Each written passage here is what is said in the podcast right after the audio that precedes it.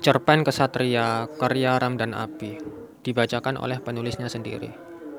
Enggak, ini bukan cerita seseorang yang gagah berani, pakai baju besi, bawa pedang, naik kuda, lalu menerobos pasukan lawan sambil teriak, "Iya!" Perkenalkan, aku Jeji, pemuda 23 tahun yang kesibukan sehari-harinya adalah kuliah, di samping kerja. Tapi aku lebih suka bilang kerja di sambil kuliah Nggak tahu kenapa. Aku kuliah di jurusan ilmu komunikasi. Awalnya aku kira fan-fan aja, sampai aku ada di titik gimana kalau dulu mending kerja aja ya. Nggak usah kuliah, gumamku. Tapi kalau aku nggak kuliah, otomatis aku nggak ketemu dia dong, tambahku. Ya, dia. Namanya Dita. T-nya dua. Dulu aku adalah tipe orang yang nggak percaya kalau cowok bisa temenan akrab sama cewek tanpa melibatkan perasaan apa pun. Sampai akhirnya aku ketemu Dita. Orangnya supa, bisa akrab sama siapa aja. Gak terlalu girly juga gak terlalu tomboy. Rambutnya sebahu agak panjang dikit. Bukan tipe anak rebahan, anak nongkrong, atau anak yang demen olahraga. Meskipun pernah ikut ekskul basket di sekolahnya. Well, cukup balance sih. Sedangkan aku si bujang lapuk, sudah lama rindu siraman asmara. Tapi kalau punya perasaan, suka dipendam sendiri. Aku selalu ngerasa belum siap buat ngejalanin hal-hal kayak gitu. Ya, I mean ngelakuin hobi juga masih seru kok. Olahraga, mabar bareng temen, touring bareng temen. Tapi memang rasanya haus bucin ini kalau nggak disiram sama air bucin, ya bakalan tetap haus. Awal kenal Dita juga karena sifat supelnya itu. Waktu itu kerjaan pulang lebih cepat dari biasanya, jadi bisa dibawa nongkrong di kantin sebelum masuk kelas. Emang rame sih waktu itu. Aku datang barengan pas sama bubaran kelas pagi. Kayaknya cuma aku deh yang anak malam di sini kataku. Di tengah santap menyantap makanan tiba-tiba ada cewek nyamperin pas di, di depanku. Kursi ini kosong nggak? Tanyanya. Kosong sih, jawabku sambil celingak-celinguk ngeliat dan emang udah penuh semua kayaknya. Aku duduk sini ya katanya. Oh iya monggo silakan. Dita, dia memperkenalkan diri dengan senyumannya yang manis itu. Iya? Terus kenapa? Jawabku dengan begonya. Ya maksudku aku Dita, kamu siapa jelasnya? Oh, aku Jeji balasku. Ceci, siapa? Tanyanya lagi. Jeji, J-E-J-I. Jawabku sambil mengeja. Oh, Jeji.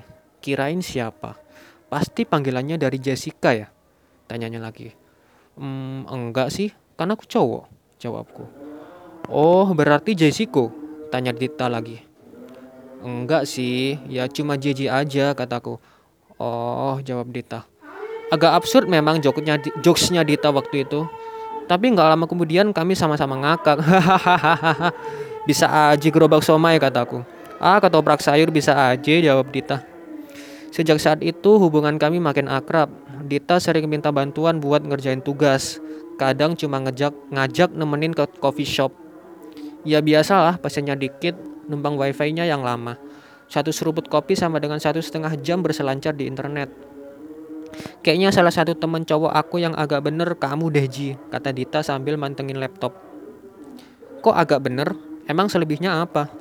Ya selebihnya agak nggak waras, aneh, unik, sedikit wibu. Alah, kalau minta bantuin kerjain tugas aja, Ji bantuin dong Ji, please kamu kan pintur Ji, kayaknya kamu yang paling paham deh sama yang beginian. Iya iya, jawab Dita. Waktu berjalan sangat cepat, mungkin lebih tepat kalau dibilang waktu berlari sangat cepat. Sudah sekitar tiga tahun aku akrab sama Dita. Dari tiga tahun ini akhirnya aku tahu ternyata cowok bisa ya temenan akrab sama cewek alias punya sahabat cewek. Kalau minjem istilah zaman sekarang namanya BFF alias best friend forever. Tapi tunggu dulu. Emang bener sih akrab. Tapi yang namanya perasaan, yang namanya tanpa melibatkan perasaan ternyata nggak semudah itu. Untuk yang satu ini aku baru nyadar di satu tahun belakangan ini. I feel something different when I with Dita. Aku tahu ini perasaan yang gak seharusnya. Tapi emang ada orang yang bisa ngontrol datangnya cinta. Sejak saat itu hatiku ibarat dalam mode tempur. Mengunus pedang menghalau segala perasaan suka ke Dita. Dilengkap, dilengkapi baju besi, tameng di tangan kiri. Aku berusaha menebas setiap serangan-serangan yang berusaha menghujam hatiku. Berat rasanya memendam perasaan cinta searah.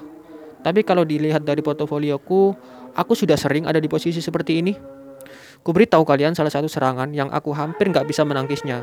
Adalah ketika Dita bilang, eh tahu nggak, aku lagi deket sama anak kampus lain, kata Dita.